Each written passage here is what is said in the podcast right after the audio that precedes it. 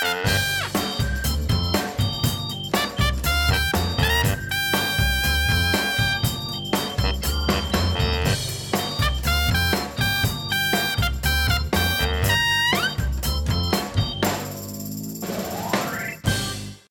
hele bijzondere podcast vandaag, want degene die hier normaal altijd zit, elke week opnieuw, die is er niet. Dat is natuurlijk Jeffrey Schipper. De enige constante factor. Precies, dus dit keer zitten Geerten en ik, Patrick Simonser. Eh ja, Geerten, waarom is Jeffrey er eigenlijk niet? Ja, om een wel heel bijzondere reden. Hij heeft een kleine gekregen. Jeremy, hij verscheen al groot op CIP. Hij heeft het in de genen zitten. Prachtig, prachtig kindje. Dus bij deze Jeffrey en Eline, als jullie luisteren, van harte gefeliciteerd. Hebben ze het veel te druk voor, joh. We zijn enorm blij voor jullie. Nou, dan kunnen we zeggen wat we willen ook. Maar we zijn minder blij dat we het nou enorm druk hebben. Maar dat komt wel goed, denk ik.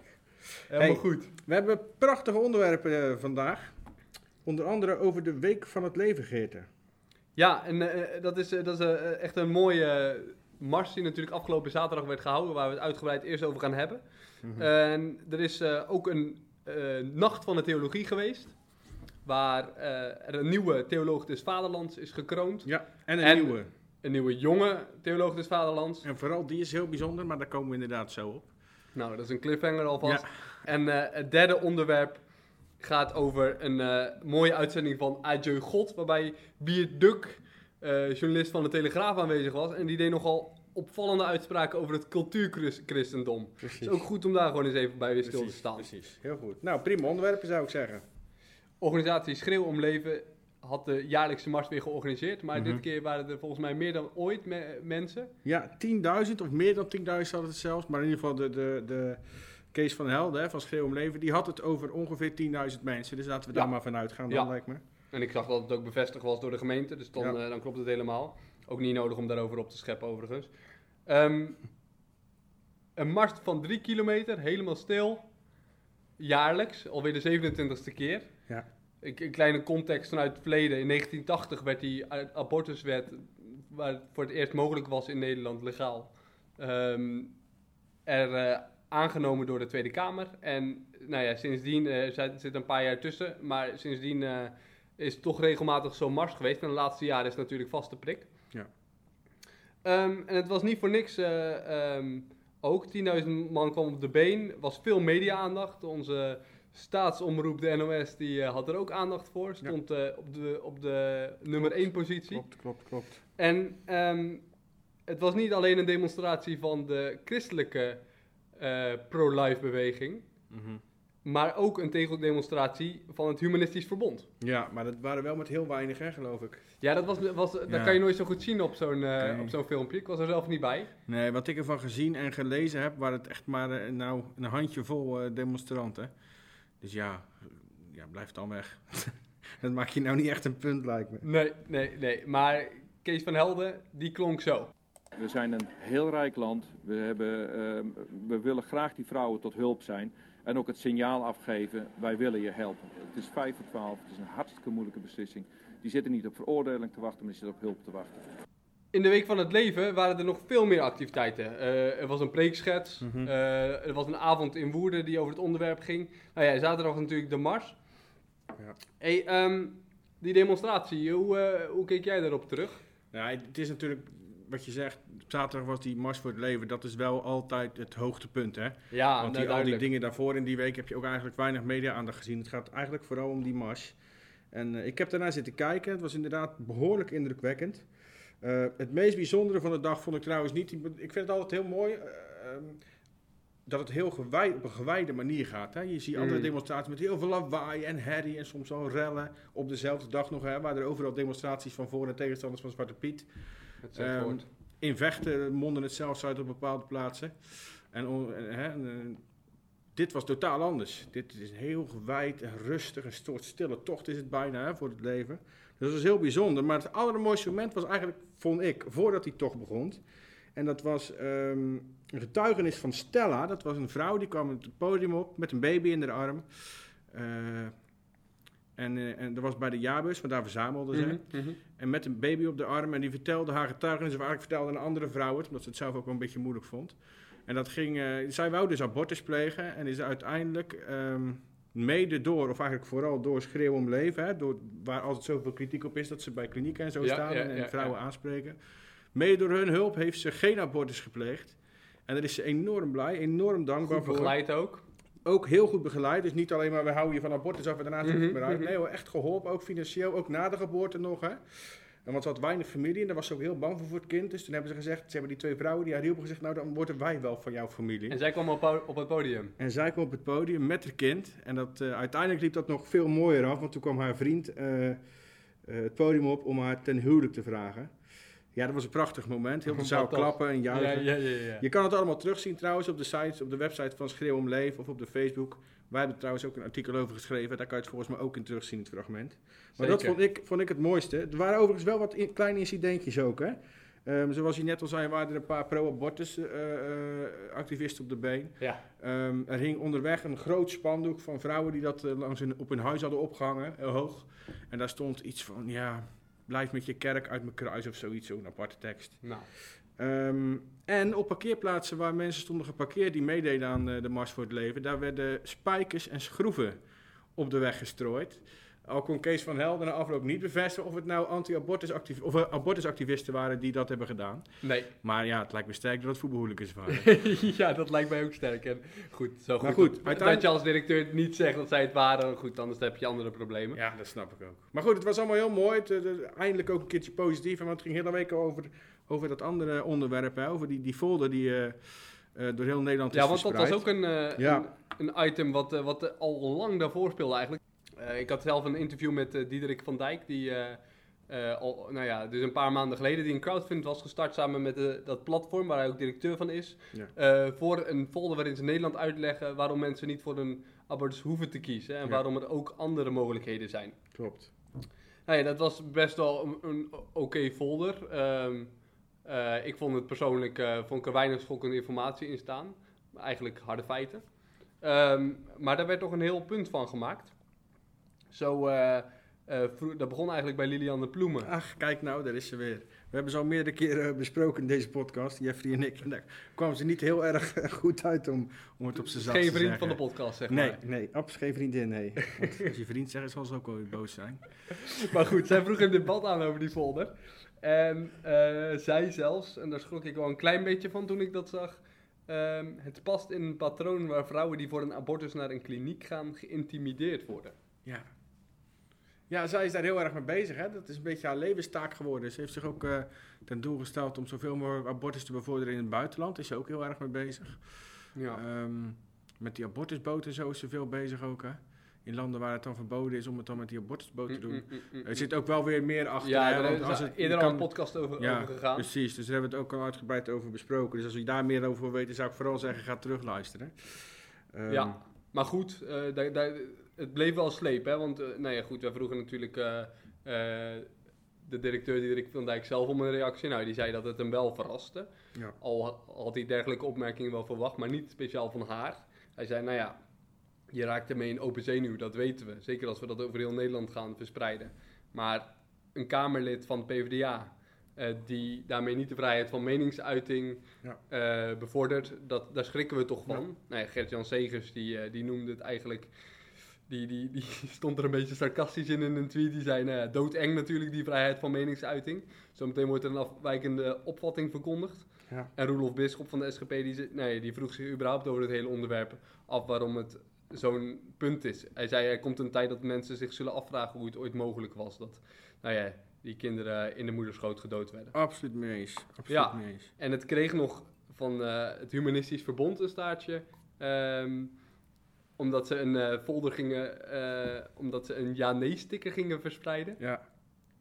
En eigenlijk geen ja-nee-sticker, maar een nee-sticker. Waarin ze, nou ja, zeiden van, nou ja, die folder moet hier niet in de bus. Dat was de tweede al, hè? Merel Westrik, een presentatrice van Oh ja, dat klopt, RTL, ja. RTL 8 of Net 5 of zoiets. Een zender waar niemand naar kijkt. Die, eh, die had ook zo'n sticker ontworpen met ook weer, wat net bij dat spandoek ook. Het lijkt wel of ze dat, dat doen ze natuurlijk bewust, hè? Weer zo'n zo'n schunnige tekst. Niet in mijn geloof, zoiets. Oh ja. Eh, dus het was de tweede al. En die waren allebei heel snel uitverkocht. Dus schijnbaar kunnen we in Nederland eh, heel goed met, met vrijheid van meningsuiting omgaan. Zolang je christenen belachelijk maken. Hè, want dat gebeurt vaak genoeg.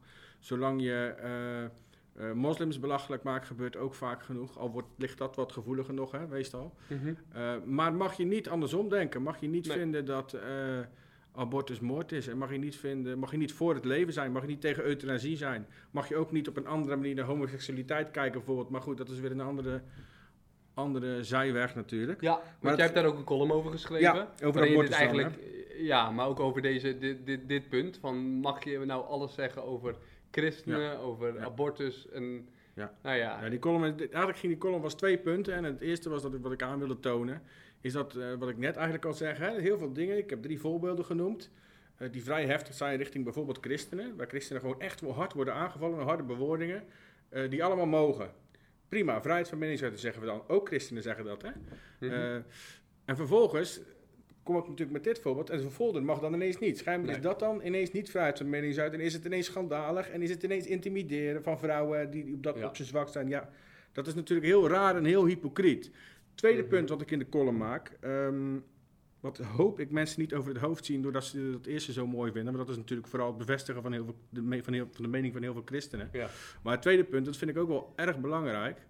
Ehm, dat is dat we vaak als christen ons heel erg focussen op die strijd voor het leven. Hè? Dus tegen abortus, tegen euthanasie. Maar geven we nou ook aandacht voor de vrouwen die wel abortus plegen? hè? Staan ze ook bij de uitgang, bij wijze van spreken? Hè? Ja, ja, ja, ja. Bij de mensen die naar buiten komen? Of komt het, gaat het alleen maar om mensen die naar binnen gaan? Even heel figuurlijk gesproken. Nee, zeker. Eh, ik denk dat dat heel belangrijk is. Dat we juist ook voor die mensen christen zijn. Want je ziet natuurlijk heel vaak dat er ook na abortus heel veel problemen ontstaan. Hè? Er heeft een meisje op SIP gestaan, of een vrouw. Die heeft anoniem haar verhaal bij ons gedaan of geschreven. Ook in christelijke kringen. Een christelijke vrouw, ja, die abortus ja. heeft gepleegd. En die zei, vergeten we vooral niet voor, voor de vrouwen te bidden. eh, en zij noemde het de onzichtbare moeders die abortus hebben gepleegd.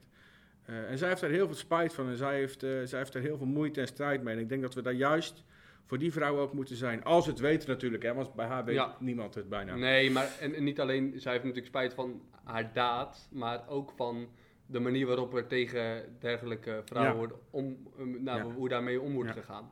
Dat je ook eh, daar eh, een stuk medemenselijkheid, maar ook naastliefde als christen moet laten zien. Juist, misschien juist aan zulke mensen. Hè? Want dat zijn de mensen die dan in het christelijk geloof eh, heel snel eh, in een hoekje worden, in het hoekje van des oordeels worden gestopt. Mm. Hè? Maar je ziet natuurlijk dat Jezus altijd naar de vrouwen en mannen toe ging. Maar je ziet vooral veel specifieke voorbeelden van vrouwen, opvallend genoeg. Naar de vrouwen die in dat hoekje des oordeels werden gestopt. Dus ik denk dat het wel belangrijk is om daar alert op te zijn. En ook voor die mensen te zijn, of juist voor die mensen. Ja. Als ze daar behoefte aan hebben, uiteraard. Hè? Want soms kunnen ze ook gewoon zo'n hekel aan het christendom hebben. dat ze er niks van willen weten. Maar goed, dat is niet aan ons. Dan is het eh, stof van je schoenen schudden en doorlopen. Hey, wie er geen hekel heeft aan het christendom, dat is de nieuwe theoloog des vaderlands. Bijzonder, hè? Want afgelopen zaterdag eh, was het natuurlijk eh, Nacht van de Theologie. Ik blijf het altijd apart vinden dat het Nacht van Theologie genoemd wordt trouwens. want Het begint om twee uur 's middags. Ehm, Oeh, daar was ik dan, had ik dan weer niet bij stilgestaan. nee, maar goed. en, en onder theologen wordt het ook wel Nacht der Nachten genoemd, las ik ook volgens mij. Nou, Maar goed, een van de hoogtepunten is altijd de verkiezing van de theoloog des vaderlands. Dat was, eh, die titel mag je dan vervolgens een jaar lang dragen. Dat was dit jaar, afgelopen jaar was dat Stefan Paas. Ook geen onbekende in de podcast, zal ik je vertellen. Eh, maar die nam afgelopen zaterdag dus afscheid van die titel. En eh, ja, er is een nieuwe. Ja, Samuel Lee of Samuel Lee. Ik weet niet precies wat de gangbare uitspraak is. Maar een Amsterdamse pastor, theoloog, ehm, die eigenlijk zegt van, nou ja, ik heb altijd al mensen willen verbinden. En in mijn nieuwe taak als theoloog des vaderlands eh, komt dat nog beter tot zijn recht. Ehm, nou ja, directeur van de Foundation Academy, eh, verbonden aan de Vrije Universiteit. Dus, eh, nou ja, goed, hij heeft heel wat in zijn mars. En hij had al gelijk een, een wat interessante ehm, doelstellingen voor zijn periode als theoloog des vaderlands. Hij zei onder meer dat hij naar Groningen wilde.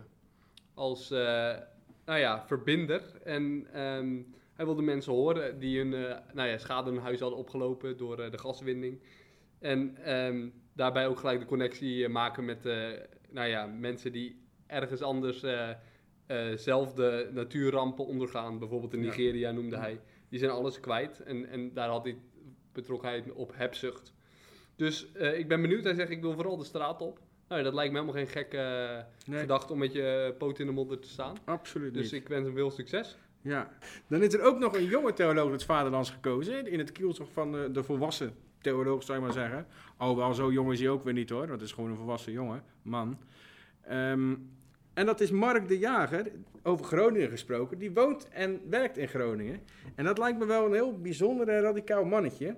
Ehm, hij is in zijn werk... Leg uit. Hij, nou, hij is, in zijn werk is hij onder meer bij de beruchte studentenvereniging Vindicat geweest. Hè? Oké. Die kennen we allemaal van, eh, nou ja, er hebben nogal wat relletjes plaatsgevonden daar, met ontgroeningen vooral. Ja, en ook het afbreken van, een of andere tent. Ja, precies. Stoelen gooien, nou ja, goed. Ja. En hij, heeft daar, eh, hij ging daar gewoon heen, hij ging daar gesprek, hij ging daar vertellen dat hij theologie studeerde. En hij zei, er ontstonden hele bijzondere gesprekken. ehm, eh, waardoor, je, waardoor je soms een hele avond in gesprek kwam over het geloof en over God. Daar vonden ze je in principe vonden ze je, eh, eh, best wel raar, waren ze heel kritisch, maar ze stonden er ook wel heel open over. Ze waren ook wel heel nieuwsgierig over eh, eh, ehm, waarom ik dan geloofde hè, in, in een Mhm. God die mens wordt bijvoorbeeld. En het bijzondere was dat hij eigenlijk in het verlengde daarvan zei, ja, mijn generatie doet dat, maar oude theologen, oudere theologen, die durven dat niet meer. Die hebben een soort van, van, van schaamte om voor hun geloof uit te komen. En hij zei, mijn generatie is dat weer helemaal weg. Dat vond ik al een hele bijzondere uitspraak. En toen zei hij nog iets, en dan ga ik hem quoten. En dat ging eigenlijk over bescheidenheid. Hij zei, als theoloog spreek je over grote dingen. We hebben het over God die de hemel en aarde gemaakt heeft, de God die oordeelt, de God door wiens genade wij leven. Dat maakt je als theoloog juist heel klein.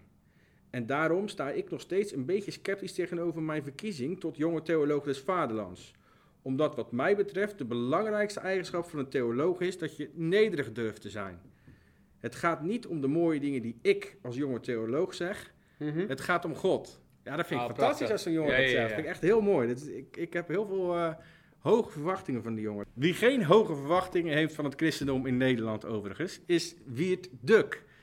Eh, die was afgelopen zondag was hij te gast bij Adieu God. Hè? Een prachtig programma waarin Thijs van der Brink eh, in gesprek gaat met mensen die ooit wel iets met het geloof hebben gehad. Of nog steeds iets ermee hebben. Maar Zo eigenlijk opgevoed. ja, en toch wel een beetje afscheid daarvan hebben genomen. En deze week was Wie Duk aan de beurt. En eh, dat is een verslaggever van Telegraaf, een behoorlijk conservatief rechtse verslaggever. Die, die eh, vooral veel ehm, mm, anti-islam schrijft. Hè? En, en, Mhm. en opvallend is dat hij de laatste jaren het christendom heel actief verdedigt. Wat hij vroeger nooit deed trouwens. Dat komt ook nog ter sprake in het programma. Kwam. Ehm, en hij vertelt in het gesprek met eh, Thijs van der Brink onder meer waarom hij, eh, hoe hij opgroeide. Met, met een ouders, oude, in een domineesgezin. Ja. En waarom die stopte met geloven, maar nog steeds het christendom eigenlijk beschermt. Hè? En zichzelf ook cultuurchristen noemt.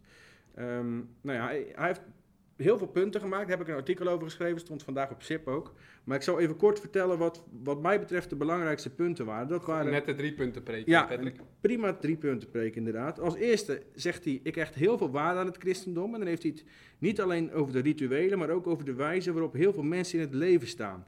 Hij zegt bijvoorbeeld over zijn ouders dat ze idioot veel voor anderen deden. En dat hij dat ook merkte dat ze heel erg gewaardeerd werden. En zelfs op hoge leeftijd nog bloemetjes en kaarten kregen uit het hele land. Van alle gemeenten waar, waar zijn vader als dominee gestaan had. En dat vond hij enorm bijzonder. Tegelijkertijd voegde hij daar direct aan toe dat dat ook volgens hem de zwakte van christen is. Omdat mensen daar volgens hem misbruik van maken of kunnen maken. Hij zei ook dat hij dat bij zijn ouders gezien heeft. eh, dat er misbruik gemaakt werd van hun goedheid, zeg maar. Hè? En hij spitst dat vervolgens verder Ja. toe op andere culturen en religies. Waarmee hij, laten we het maar onomwonden zeggen, gewoon de islam bedoelt. Ehm, en doordat christenen, zei hij, in navolging van Jezus eh, zich kwetsbaar opstellen en uitgaan van bijvoorbeeld principes als de andere wang toekeren en de minste zijn, ehm, doen ze volgens Wier toch een soort van aan zelfvernietiging. Omdat Maar daar komen we zo nog op. Daar komen we zo nog op. Maar omdat harde culturen, van, oh, zoals de islam, volgens hem er dan over, overheen denderen, zeg ja, maar. Hè? ja. Christenen moeten volgens hem dan ook veel harder zijn om hun eigen religie, hun eigen cultuur te verdedigen. En, en dat vind ik nog het meest bijzondere, daarom zegt hij, het naleven van Jezus is volgens hem ook helemaal niet de juiste levenswijze, omdat hij dat natuurlijk voorleefde. Hè? De minste zijn, de andere wang toekeren. Eh, en dat is volgens hem niet de juiste levenswijze, omdat je dan eigenlijk je eigen christelijke cultuur om zeep helpt. Ehm, punt drie. Beert gelooft eigenlijk al niet meer sinds zijn tiende. Dat vind ik heel bijzonder. Dat, dan is die, was Dat hoor je niet vaak. Nee, meestal is het, komt het na 13, 14, 15, hè, zo in de puberteit of Ja. later nog. Maar op zijn tiende besloot hij al, dit is een sprookje, dit kan niet, er is geen God. Maar hij zegt er zelf ook wel bij, misschien heb ik simpelweg gewoon nooit geloofd. Ehm, maar de cultuur van het christendom vindt hij dan dus wel enorm belangrijk. En daar bedoelt hij niet alleen de waarden en de normen, hè, waar ik net al over had. Mhm. Eh, maar ook bijvoorbeeld muziek, en kunst. En daar deed hij nog een heel opvallende uitspraak bij over zijn ouders, die natuurlijk wel zelf gelovig waren.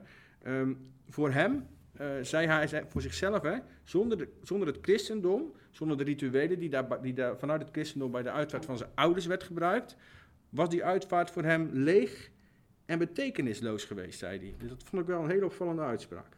Ja. Ja, deels waarschijnlijk om wie hun, zijn ouders waren. En, en het christendom was, deels, Ja. eh, was deel van hen. Ehm, ja, als ik naar het cultuurchristendom kijk, is het natuurlijk Mhm. een heel groot thema. Ehm, Ja. voor mij, als ik, als ik er naar kijk, dan vind ik dat de christelijke beleving eigenlijk zonder ehm, de, nou ja, de praktijk weinig waarde heeft. Het heeft al waarde. Ik vind het goed dat mensen nou ja, normen en waarden omhelzen. eh, eventueel naar de kerk gaan of met kerst. Eh, zoals vroeger, toen gingen heel veel mensen naar de kerk. Nou ja, toen was Nederland een christelijk land. Ja. Ehm, en ik denk wel dat dat goed is voor de, voor de natie. Overigens denk ik wel, het is heel interessant dat zo'n Duk zo'n uitspraak doet over die uitvaart. Hij zegt bijvoorbeeld dat, nou ja, die was betekenisloos geweest. En daarmee zoekt hij toch ergens betekenis in het christendom. Ja, ja. En dat vind ik echt fascinerend, want, want dan, zit er, dan zit er toch iets van betekenis die hij ook toedicht. ja. En, en eigenlijk, ehm, jij zei net, hij wil zijn eigen religie en cultuur eh, verdedigen. En dat, daarom zouden de christenen dat ook op een heel andere manier moeten doen. Mhm. Nou denk ik dat hij eigenlijk de cultuur wil verdedigen en niet de religie. Ja. En daar zit hem denk ik de crux. Dat zou heel goed, ja, dat klopt. Daar schuurt het.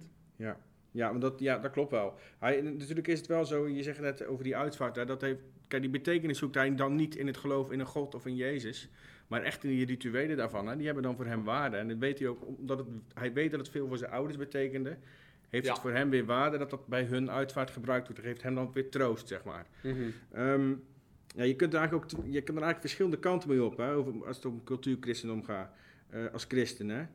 Ehm, ik snap dat mensen die met, met een vast geloof in een God en in, in God en in Jezus, ehm, naar mensen als Wie Duk en, en eh, bijvoorbeeld ook Thierry Baudet, dat is ook echt zo'n typische cultuurchristen, hè, eh, kijken van ja, wat hebben we eraan, weet je wel. Aan de andere kant, het is wel zo dat, men, dat die mensen, Baudet en Duk, die zijn wel echt heel oprecht heel blij met en trots op de christelijke cultuur. Het is niet echt, denk ik, dat ze, daar komen we zo nog even op hoor, dat ze die christelijke cultuur gebruiken om een punt te maken. Ze zijn daar echt, echt, echt blij mee en trots op en die willen ze graag in leven in die cultuur. Ehm, en ze vinden dan ook, en dat, vond, dat zei Wie Duk ook meerdere keren, ze vinden absoluut dat als je volgens de christelijke tradities leeft, dat dat de beste manier is om, om met elkaar te kunnen samenleven. Maar, en dan kom ik weer met drie punten. Ik ben heerlijk, heerlijk bezig vandaag. Ehm, als eerste, ehm, kijk, bepaalde conservatieve gedachten die die mensen, zoals Baudet en Wie Duk, eh, hekelen aan de islam, die kom je natuurlijk ook in christelijke dingen tegen. In Nederland, maar als je internationaal gaat kijken, nog veel en veel en veel meer.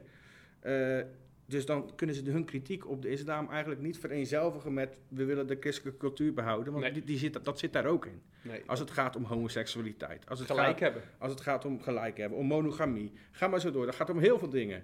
Dus dat, dat is een beetje apart. Daarnaast zijn er ook, en dat, wie, dat kaart wie Duk ook wel aan hoor in het interview, zijn er heel veel cultuurmoslims, hè? net zoals hij een cultuurchristen zijn, zijn er in, ook in Nederland al, zeker die tweede, derde generatie, die zijn heel eigenlijk een stuk geïntegreerd in, in, in, in deze maatschappij. Die doen keurig mee.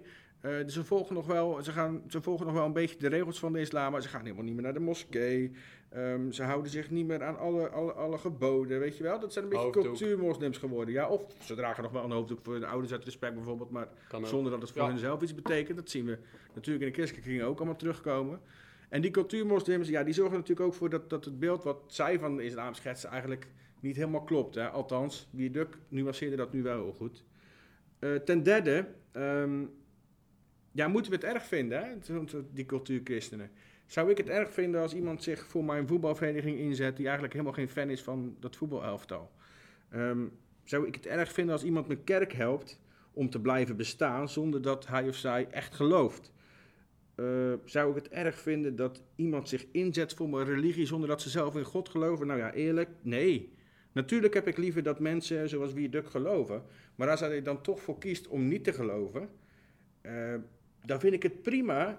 eh, en liever op deze manier nog, wat hij nu doet, hè? Zodat onze kinderen straks ook nog weten wat kerkklokken zijn. In Ja. plaats van dat ze overstemd worden door het Arabische gegil uit te Ja, versterken. Ja, ja, ja, ja.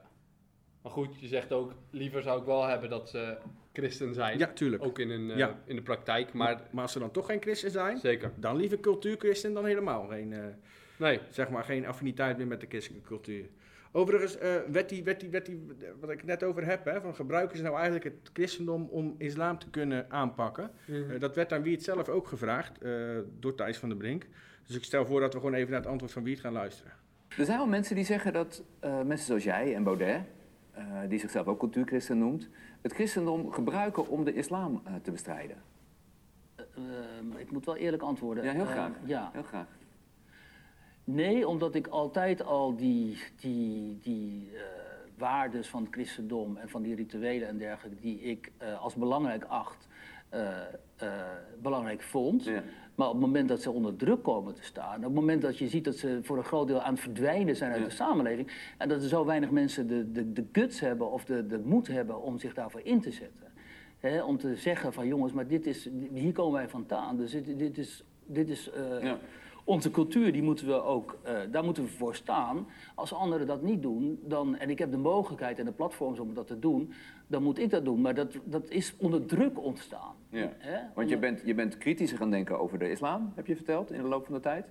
En je bent enthousiaster geworden, althans een enthousiaste verdediger geworden van het christendom. Dus er is wel een kritischer gaan, gaan denken over het gevaar dat, eh, dat, eh, dat, dat, van de islam. Laat ik Ja. het zo maar zeggen. Ja. Ja. Het gevaar dat de islam kan zijn.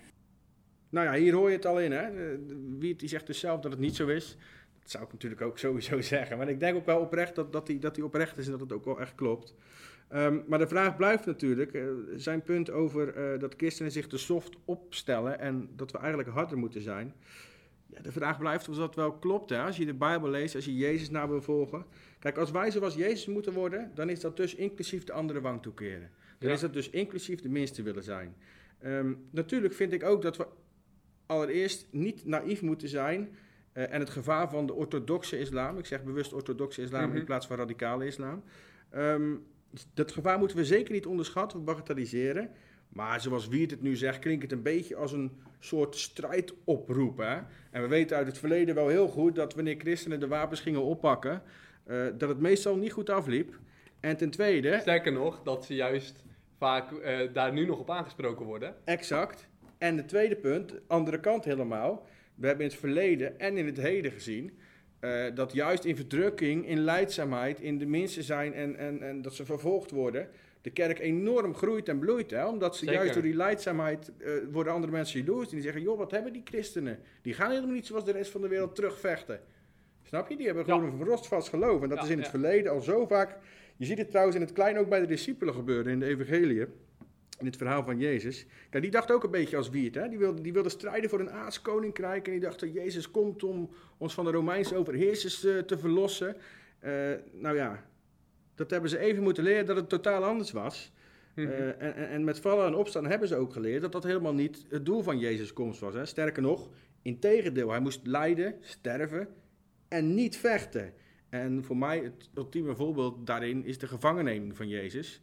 Ehm, dan zie je dat, dat, dat, dat Petrus heel boos wordt en die gaat vechten. Hè? Dat is eigenlijk de vierduk van de eerste eeuw, zou ik zeggen. Die pakt zijn zwaard en die hakt er een oor af. En wat doet Jezus? Die zegt niet, ja, kom op, vechten, vechten voor je cultuur, vechten voor je christendom. Nee, Jezus pakt dat oor en die zet het weer vast. En ik denk dan toch dat je wat dat betreft, dat, dat wie het echt de plank mislaat. Zeker. Eh, of het oor, dat maakt mij niet zoveel uit. Maar dat je echt, dat, en dat is denk ik precies de kern van dit hele verhaal. En dat is precies waar, waar, waar cultuurchristendom dan wat mij betreft niet aan toe wil. En wat, als, je, als het echt geloof is, dan is dat natuurlijk wel de kern. Hè? Ehm, kijk maar naar de houding van Jezus. En dat vindt Wiet natuurlijk ook, want daarom zegt hij... zoals Jezus het voorleefde, is eigenlijk helemaal niet zoals ik het wil. Ja, dus hij, hij, is vrij selectief in, Ja, zijn, ja. eh, in zijn christendom. Hij is het eigenlijk Keuze. met mij eens. Van de kern van het christendom is dat. En daarom zegt hij, zoals Jezus leeft, is, moet je niet, eigenlijk is niet helemaal goed. Omdat Nee. dat niet bij zijn visie past. Nee. Zeg maar. En dat is nou typisch cultuurchristendom. Dat geeft hij zelf ook toe. Als je Christus weghaalt uit de Bijbel, hou je alleen maar culturele context over. Nou, misschien moet hij zelf wat starten. Ja, ja, ja we hebben nog niet genoeg kerken, hè, natuurlijk. Nee, maar je, ehm, ja, en, en er zit natuurlijk een dieperliggend eh, verhaal achter. Hè? Hoe, hoe kan het dat christenen zo verschillend over, ehm, over zaken kunnen denken, over onderwerpen? Hey, je kan juist enorm progressief zijn als je kijkt naar eh, het klimaat. Ja. of juist enorm conservatief. Ja. Hoe kijk jij daarnaar? Ja, nee, dat is wel waar. Hè. Er zijn natuurlijk tal van voorbeelden van. Dat zien wij in ons werk natuurlijk wel regelmatig. Ehm, we hebben allemaal die Bijbel, en toch gaan we totaal anders denken. Hè. Er zijn christenen die met de Bijbel in de hand eh, meedoen aan, aan, aan demonstraties van Extinction Rebellion. En dan gaan demonstreren voor het klimaat. Eh, en er zijn aan de andere kant christenen, of er zijn christenen die gaan bij een station vluchtelingen staan opvangen en christelijke liedjes gaan zingen. Je bent welkom, je bent welkom. Wat later allemaal terroristen, of allemaal, waar later terroristen onder blijken te zijn geweest. Patrick. Dat vertelt wie, ik, ik quote Wieduk, die zei dit. Heel goed. Ehm, maar er zijn natuurlijk aan de andere kant, en dat zie je bijvoorbeeld in de SGP, eh, een hele conservatieve stroming in het christendom, die, helemaal, die echt anti-islam is en die, die helemaal geen vluchtelingen binnen wil, die de grenzen dicht wil, eh, die, die helemaal niet zoveel heeft met die, met die, met die klimaatbeweging. Eh, sterker nog, er zijn heel veel christenen die vinden SGP nog te soft en die sluiten zich aan bij Forum voor Democratie of PVV. Dus er zijn zoveel verschillen, terwijl ze diezelfde Bijbel gebruiken. En dat zegt, wat mij betreft, ook gewoon wel heel veel over de Bijbel. Die kan je namelijk gewoon op heel veel punten totaal verschillend interpreteren. En dat is net maar wat jij erin wil lezen en hoe jij, hoe jij het wil interpreteren. Ja, en daar zie je ook denk ik onze postmoderne samenleving, dat wij alles mogen interpreteren op de manier we- eh, hoe we dat willen. Ja. En sterker nog, eh, over sommige onderwerpen bestaat überhaupt geen overeenstemming. Dus voordat je dan naar de Bijbel kan wijzen, ben je al een stap verder. Ehm, zo zijn er christenen die natuurlijk überhaupt die hele milieucrisis, net zoals wat jij al eh, noemde, zoals Baudet, ehm, die zich maar afvragen in hoeverre de mens daarvoor Ja. bepalend is. Nou ja, die vraagt zich af of die überhaupt bestaat. En dan is het moeilijk over de Bijbel praten. Ja, precies. En, en verder denk ik dat er algemene principes in de Bijbel staan eh, waar iedereen het mee eens is. Ja. Ik denk dat bijvoorbeeld Wierduk, die noemde naaste liefde. Nou, ja, daar kan niemand het mee oneens zijn. Ehm, maar alle onderwerpen hebben die interpretatie waar, waar jij al op doelt. Bijvoorbeeld betekent naast liefde dat je alle vluchtelingen Ja, opneemt. precies. Dat is dus of is daar ook een balans? Precies, dat, Dat, je is moet dus, uitkijken voor de leefregels die ze meenemen, de godsdienst die, ze, eh, die zij eh, aanhangen Ja. en die ze daarmee ook meenemen. Dat is het dus. Wat is naaste liefde? Ja. En dat vroeg iemand eh, aan Jezus natuurlijk ook. En toen kwam hij met het voordeel van een barmhartige Samaritaan. En dat was de grootste aardvijand van de Joden van die tijd. Dus ja, en als je dan als christen toch een aardsvijand moet noemen, als de christen die zo conservatief is, dan zou je toch wel bij moslims uitkomen. En daar heb ik toevallig een interview over gehad. Die is deze week gepubliceerd met dominee Bram Beuten. Die zei ook inderdaad, de moderne barmhartige Samaritaan is eigenlijk de moslim Ja. voor christenen. Eh, ik vind het nogal ver gaan natuurlijk, want ik ben ook zelf vrij conservatief. Eh, maar er zit natuurlijk wel wat in. Eh, Ja, als, dat- als, je, als Jezus gevraagd wordt wie is mijn naaste, dan noemt hij eigenlijk je ultieme vijand. Dus waar je het meest hekel hebt, die het meest weg wil doen. Ja, dat is voor heel veel conservatieve christenen toch echt islam. En dat openstaan voor anderen en juist met hen in gesprek gaan en ook daarmee die naaste laten zien is denk ik iets waar we als christenen iedereen een hele hoop van, kan van kunnen leren. Nou, dat vind ik een fantastische afsluiting voor de podcast. Ehm, ja, wij zijn hier volgende week natuurlijk weer, want Jeffrey die gaat even twee weken heerlijk op zijn gemakje van zijn baby en zijn vrouw genieten. Of heerlijk op zijn gemakje zou ik niet zomaar zeggen. Maar die is er volgende week nog steeds niet. Hij heeft een hoop te leren denk Hij ik. heeft een hoop te leren. Ik vermoed het wel, ja. Dus wij zijn er volgende week weer met een eh, hopelijk ook weer veel nieuwe onderwerpen. Ehm, en we hopen dat iedereen dan weer luistert natuurlijk. Hè? Jij bent er ook weer bij. Helemaal goed, tot volgende week. Yes, tot dan.